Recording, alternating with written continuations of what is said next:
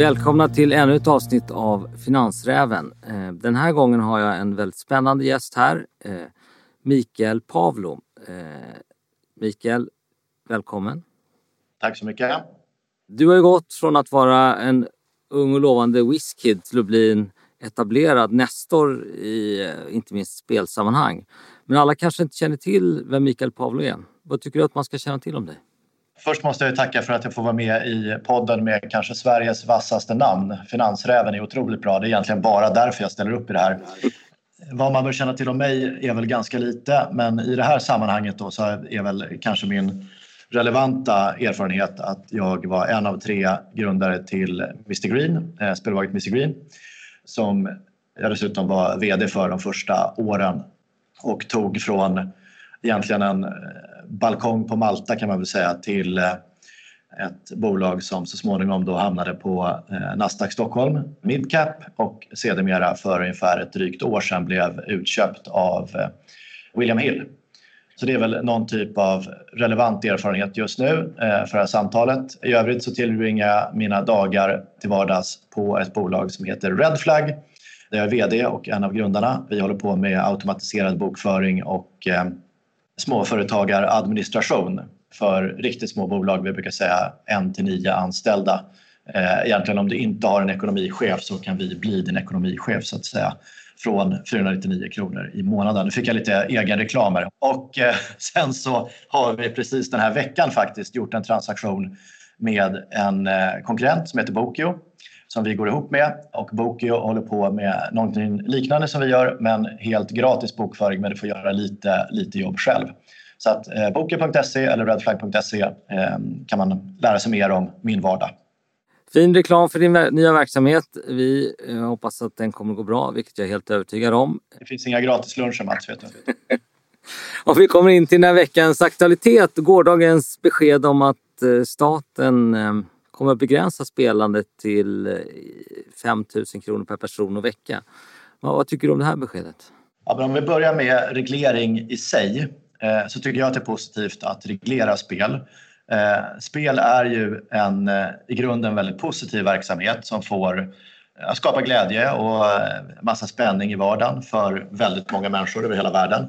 Men det finns såklart också en baksida med detta som alla känner till, nämligen problemspelande det är svårt för branschen att på egen hand hantera problemspelandet har det visat sig.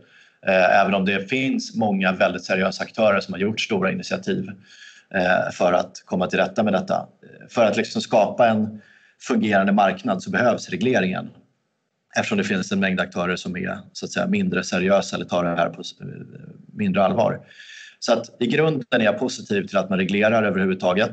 Men det finns några grundläggande problem med den svenska spelregleringen, några brister i den som nu blir väldigt tydliga då under coronakrisen. Och det första är att man inte har reglerat affiliates och man har inte reglerat spelleverantörer. Det gör att systemet i sig är väldigt ineffektivt därför att det är fullt eh, tillåtet att marknadsföra spel som eh, saknar licens för då affiliates. Affiliates är då webbplatser som eh, har en marknadsföringsdeal med eh, speloperatörer för att så att säga dra in spelare till operatören. Och på samma sätt så får spelleverantörerna helt fritt tillhandahålla spel till operatörer utan licens. Och det gör ju att det skapas så att säga en, en eh, grå eller till och med svart marknad som är ganska betydande i Sverige. Det man talar om är kanalisering, hur, hur mycket eh, av spelandet kanaliseras in till det reglerade systemet. Och jag skulle säga att om du frågar någon i branschen eh, skulle de eh, inte riktigt hålla med ansvarig minister om att vi har en liksom, fungerande reglering därför att eh, gissningen i branschen är att vi ligger över 30 procent nu olicensierat spel och det var före corona. Sen kommer corona då, som du, som du eh, nämner eh, och eh, det är då en reglering som, som vi inte har sett i praktiken riktigt än men den ska snabbutredas, den kommer när som helst.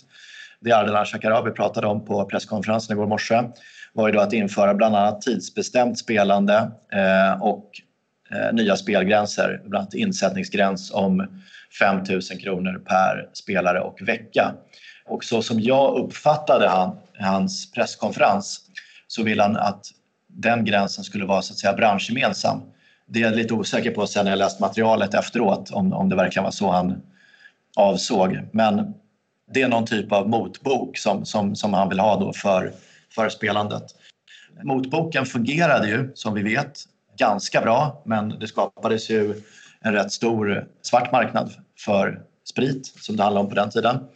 Och eh, det är ju samma sak här, att liksom motboksliknande spelgränser riskerar att driva problemspelare utanför systemet. Och det är inte bra. Det är inte bra för någon. Dels så kommer de här spelarna att hamna i en miljö där det inte finns några regler överhuvudtaget som de tar hänsyn till. Det är ett bekymmer i sig. Och dels så kommer staten inte få sina skatteintäkter. Så att de här 30 procenten, eller 30 procenten plus, eh, de riskerar ganska snabbt att eh, galoppera upp till en väsentligt mycket högre summa som, som spelas då utanför systemet helt enkelt. Så med andra ord inte så bra? Jag tror att det är både dåligt för branschen och dåligt för staten och dåligt för problemspelarna samtidigt. Så att eh, det, är liksom en eh, triad av dåliga saker. Och jag har lite svårt att förstå också varifrån det här kommer för det finns ingen riktig data som tyder på att corona skulle gjort att eh, vi har galopperande spel. Snarare tvärtom. Vi har ju till exempel inga fotbollsmatcher och i övrigt väldigt lite annan sport också som pågår så det finns ju väldigt lite att lägga så att säga sportboksbett på. Casino har inte riktigt rusat på det sätt som man skulle kunna trott. Alltså inte motsvarande sätt som sportboken har försvunnit. Tittar man på Italien som är de siffror vi egentligen har just nu då är kasino upp ungefär 30 procent i Italien. Då har de total lockdown ska man komma ihåg också. Medan till exempel poker i Italien är upp 130 procent. Poker är ganska litet i Sverige då jämförelsevis. Det här problemet som man försöker lösa det är nog mer liksom ett teoretiskt problem just nu som man inte riktigt ser i siffrorna. Tittar man på Betsson exempelvis som ju rapporterade igår då är deras kasino year on year ner kraftigt under Q1. Det kan ju vara att folk har gått någon annanstans men eh, Betsson är ett av de större reglerade bolagen. Man gör egentligen att man straffar dem som försöker hålla sig inom systemet sannolikt driver spelandet till aktörer utanför systemet. Det låter som de försöker plocka billiga politiska poänger men vi behöver inte fördjupa oss just i det. Vad tycker du man ska tänka på när man investerar i spelaktier och spelmarknaden? Nu är det en ganska bred marknad men du kan ändå få utveckla det. Ja, men om vi utgår från liksom huruvida man ska lyssna på mig eller inte först då så skulle jag vilja hänvisa till eh, Nassim Nicholas Taleb, lite husguru hos mig. Han är väl mest känd för eh, Fooled by Randomness och eh, boken Black Swan. Men han har ju nyligen också kommit ut med boken Skin in the Game. Där säger han ju rätt tydligt att lyssna inte på de eh, råd folk ger utan be dem att få visa sin portfölj. Och eh, om man tittar på min spelportfölj så är den för närvarande helt tom. Med det som så att säga bakgrund, det vill säga lyssna inte på mig så ska jag försöka ge några liksom, tips då i alla fall. Eh, men kommer kanske inte liksom, tipsa om specifika bolag så mycket utan lite mer om hur man skulle kunna resonera utifrån vad jag har eh, lärt mig de sista 12 åren i, i, branschen så att säga. Och då skulle jag säga att om vi, om vi börjar med att dela upp det på eh, speloperatörer, affiliates och eh, spelleverantörer som en första liksom, uppdelning, grov uppdelning. För när du säger spelbranschen så ingår ju alla de tre aktörerna där egentligen. Eh, och då har du affiliates, det är Better Collective och eh, Catena Media som är de liksom stora listade i Sverige. Och sen så har du Reef Media, eller Excel heter de väl nu för tiden, som är listade i London. Det är väl liksom de tre största aktörerna. Du har också RakeTech såklart i, i Sverige, men lite mindre. De kommer ju påverkas av eh, coronaregleringen i den mån de har så att säga, svenska intäkter. Det är ju ganska liksom, uppenbart. Tittar man på speloperatörerna istället, eh, det vill säga de som har slutkunder, då är det lite mer komplext därför att de har ju intäkter från väldigt många olika eh, jurisdiktioner. Och det har hänt ganska mycket de senaste åren med spelskatter. Och tittar man på varifrån man har intäkter eh, och där, där tycker jag är ganska förvånande att man tittar på analyser så är det liksom ofta ganska grunt. Eh, att man tittar på helheten, men de är upp x procent. Det är bra, nu kör vi liksom. Vana lyssnare av Finansräven eh, hörde ju eh, Angerfeldt förra veckan tala om att eh, ETFer och liksom indexfonder och så här kör ganska algoritmiskt. Man gör inte så mycket analys längre. Det här är väl lite ett tecken på det att vissa av de här aktierna kan rusa på uppgångar som kanske sker i fel marknader. Därför att alla intäkter är inte detsamma i, spel, i spelvärlden längre. Jag skulle säga att det är väldigt svårt numera att tjäna pengar på reglerade marknader, de som har liksom hållit på länge. Om du tittar på England så har de en spelskatt på 21 procent nu. Sverige 18 procent. Men tittar du på Danmark till exempel så har de idag 20 procent men de har redan aviserat att per januari 2021 kommer de höja skatten till 28 procent. Och det där äter sig in i marginalerna väldigt tydligt på liksom bottom line. Det är bara pengar som försvinner. Tittar du på Österrike så har de liksom en väldigt oklar legal grund men tar då av internationella operatörer 40 procent i spelskatt medan de tar av liksom monopolet 20 vilket ju går att ifrågasätta så att säga, men, men det är vad det är. Och tittar du på Holland så har de inte sin reglering igång än men de har ju sagt att eh, de, de, kommer blocka de som har kört utan licens tidigare. Så att, eh, och det finns då liksom listade aktörer som har betydande intäkter därifrån. Det här skapar ju liksom en komplexitet som gör att eh, det krävs rätt mycket analys av respektive bolags intäkter för att förstå om de har liksom ett vinnande case eller inte. Tidigare har man ju sagt att de reglerade intäkterna det de man kan få bra multipel på. Och eh, en tumregel har väl möjligen varit att man ska betrakta oreglerat som ja, men en multipel på kanske ett eller lite norr om ett. Eh, medan andra intäkter kanske ska ligga norr om 10 eller något sånt där. Men, men idag är det ju väldigt mycket svårare. Om du kikar på Betssons rapport med till exempel Realm Entertainment eh, som är en del av Betsson, en så här business to business-del, så är det ganska svårbedömt. Men den har sannolikt lite mer intäkter från andra marknader än de traditionella. Och då kanske någon riskvillig kan se en större uppsida där, exempelvis. Medan då svenska intäkter, inte specifikt Betsson utan liksom, oavsett om det är Betsson, Kindred eller någonting annat, är mer svårbedömda i dagsläget. Man skulle ju kunna tänka sig riskmässigt att eh, de här äh, ganska tuffa åtgärderna som införs nu, att åtminstone delar av dem kommer att finnas kvar även efter coronakrisen. Det är väl liksom inte osannolikt att äh, ministern här flyttar fram positionerna permanent. Ja, och sen spelleverantörer nämnde jag också och där skulle jag säga att äh, man måste ha koll på cash conversion. Det är någonting som märkligt nog aldrig diskuteras. Och om den har pikat och man har en stor uppbyggnad av eh, rörelsekapital då kan ju det betyda att operatörerna har svårt att betala sina fakturer. Det är alltså intjänade pengar som man ännu inte har fått in från operatörerna. Man har skickat en faktura men pengarna har inte kommit in. Samtidigt kan man, om man tittar på leverantörerna då, så börjar många få momentum i USA nu. Och där är ju, eh, om man ska nämna några namn, så är ju Kambi väldigt spännande där. Hållit på länge.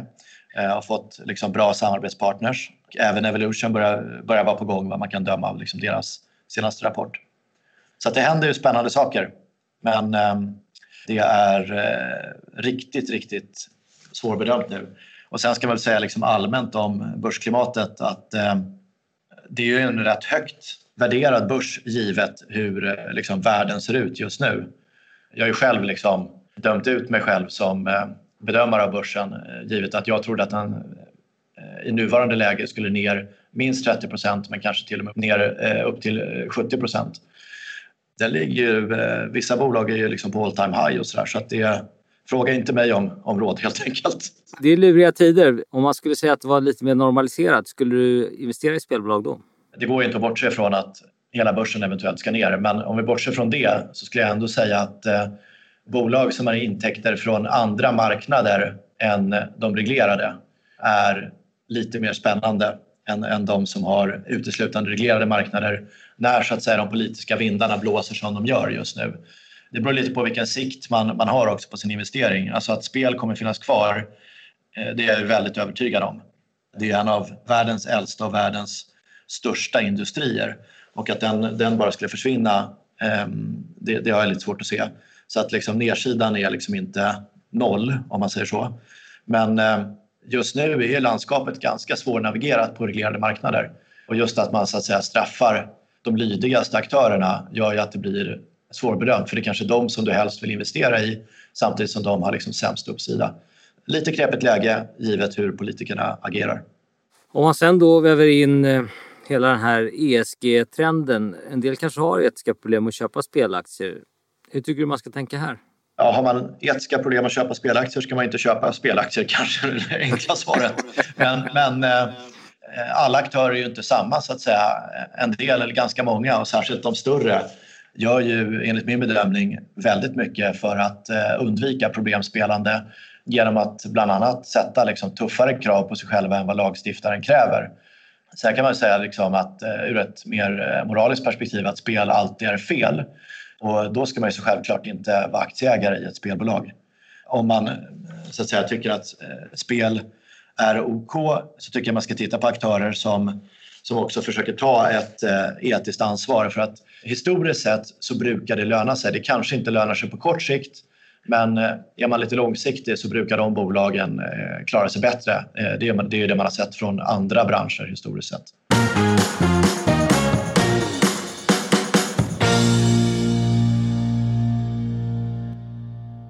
Du kom in i kasinomarknaden, i alla fall inte från början, kanske till och med på gränsen till lite sent. Men ändå lyckades du bygga, vara med och bygga en av vinnarna. Vad var det vinnarreceptet? Vi började liksom titta på idén 2007 och lanserade i augusti 2008, eh, en månad före Lehman-kraschen. Så det var rätt svårt att hitta liksom pengar till det här kan man säga. Vår idé var ju att eh, kasino specifikt var lite styrmodligt behandlat. Det var liksom en add-on till sportbok eller poker.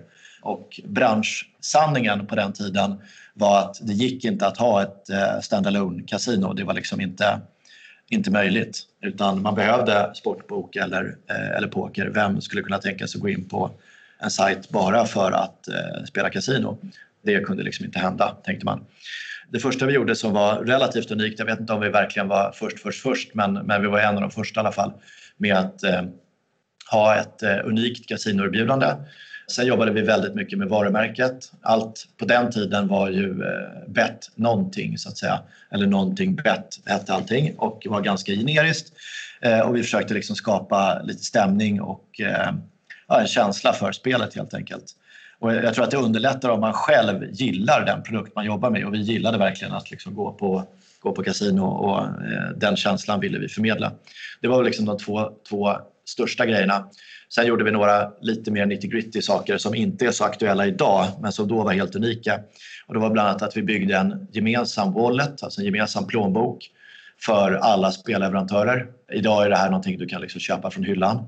Men på den tiden så var det en ganska avancerad teknisk operation. Du behövde inte välja så att säga mellan NetEnt och Evolution för att ta ett exempel. Utan du kunde både ha NetEnt, Evolution, Red Tiger och så vidare hos samma operatör utan att behöva gå till någon kassa och växla pengar. Och slutligen så hade vi då flera spelleverantörer vilket gjorde att vi fick ett väsentligt mycket större spelutbud än övriga konkurrenter på marknaden. Så det var väl liksom några saker vi gjorde då. Idag ser det ju lite annorlunda ut. Dels finns det ett antal varumärken, både white labels och liksom vanliga operatörer, standalone-operatörer. Mellan 60 och 100 om man räknar in liksom white Label som köper någon annans licens. Varumärken som bara liksom bearbetar Sverige. Så att, att försöka liksom göra ett varumärkesresa det är inte någonting unikt idag. Eh, du får alla spel så det är inte heller liksom unikt. Eh, och sen då med liksom de bonusrestriktioner som finns så kan du inte heller prisdifferentiera på något särskilt meningsfullt sätt. Så att just i liksom kasinobranschen har det blivit tuffare att eh, stå ut. Har du någon förebild inom spelbranschen? De två personer som eh, egentligen har byggt det svenska spelundret det är ju eh, Anders Ström och Pontus Lindvall får man väl säga. Sen eh, har ju mina medgrundare som är Green, Fredrik Sidfalk och Henrik Bergqvist haft betydande roller också. De som verkligen liksom banade väg det var ju eh, Ström och Lindvall som tidigt, väldigt tidigt kom igång med sina produkter. Sen skulle jag också faktiskt nämna Anders Larsson som är lite bortglömd idag för att han dog för, det måste vara 20 år sedan nu tyvärr. Men det var en av grundarna till Boss Media, eh, marknadschef där, som fick igång Gold Club Casino som jag tror var världens första online-casino. Intressant. Lindvall är fortfarande möjligt att ta rygg på. Däremot så vet jag att du investerar en del i onoterat. Vad tittar du på där? Ja, lite nyansering där. Då. Jag har två killar som gör det åt mig. Jag eh, tittar inte på någonting överhuvudtaget själv. Vi måste väl ändå godkänna en del investeringar även om det är andra som gör en del av eh, fotjobbet? Nej, de är eh, så att säga helt, helt självständiga så att de, de gör det själva.